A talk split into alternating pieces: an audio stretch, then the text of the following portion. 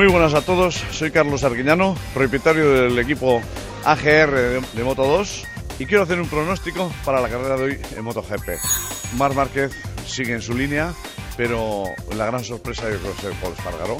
Yo creo que le va a costar mantener ese segundo puesto, pero eh, creo que lo va a conseguir. O sea que yo creo que Mar Márquez primero, Paul Espargaró, a pesar de que le cueste mucho, yo creo que se va a hacer con el segundo puesto y yo creo que Lorenzo Pedrosa se va con el tercero.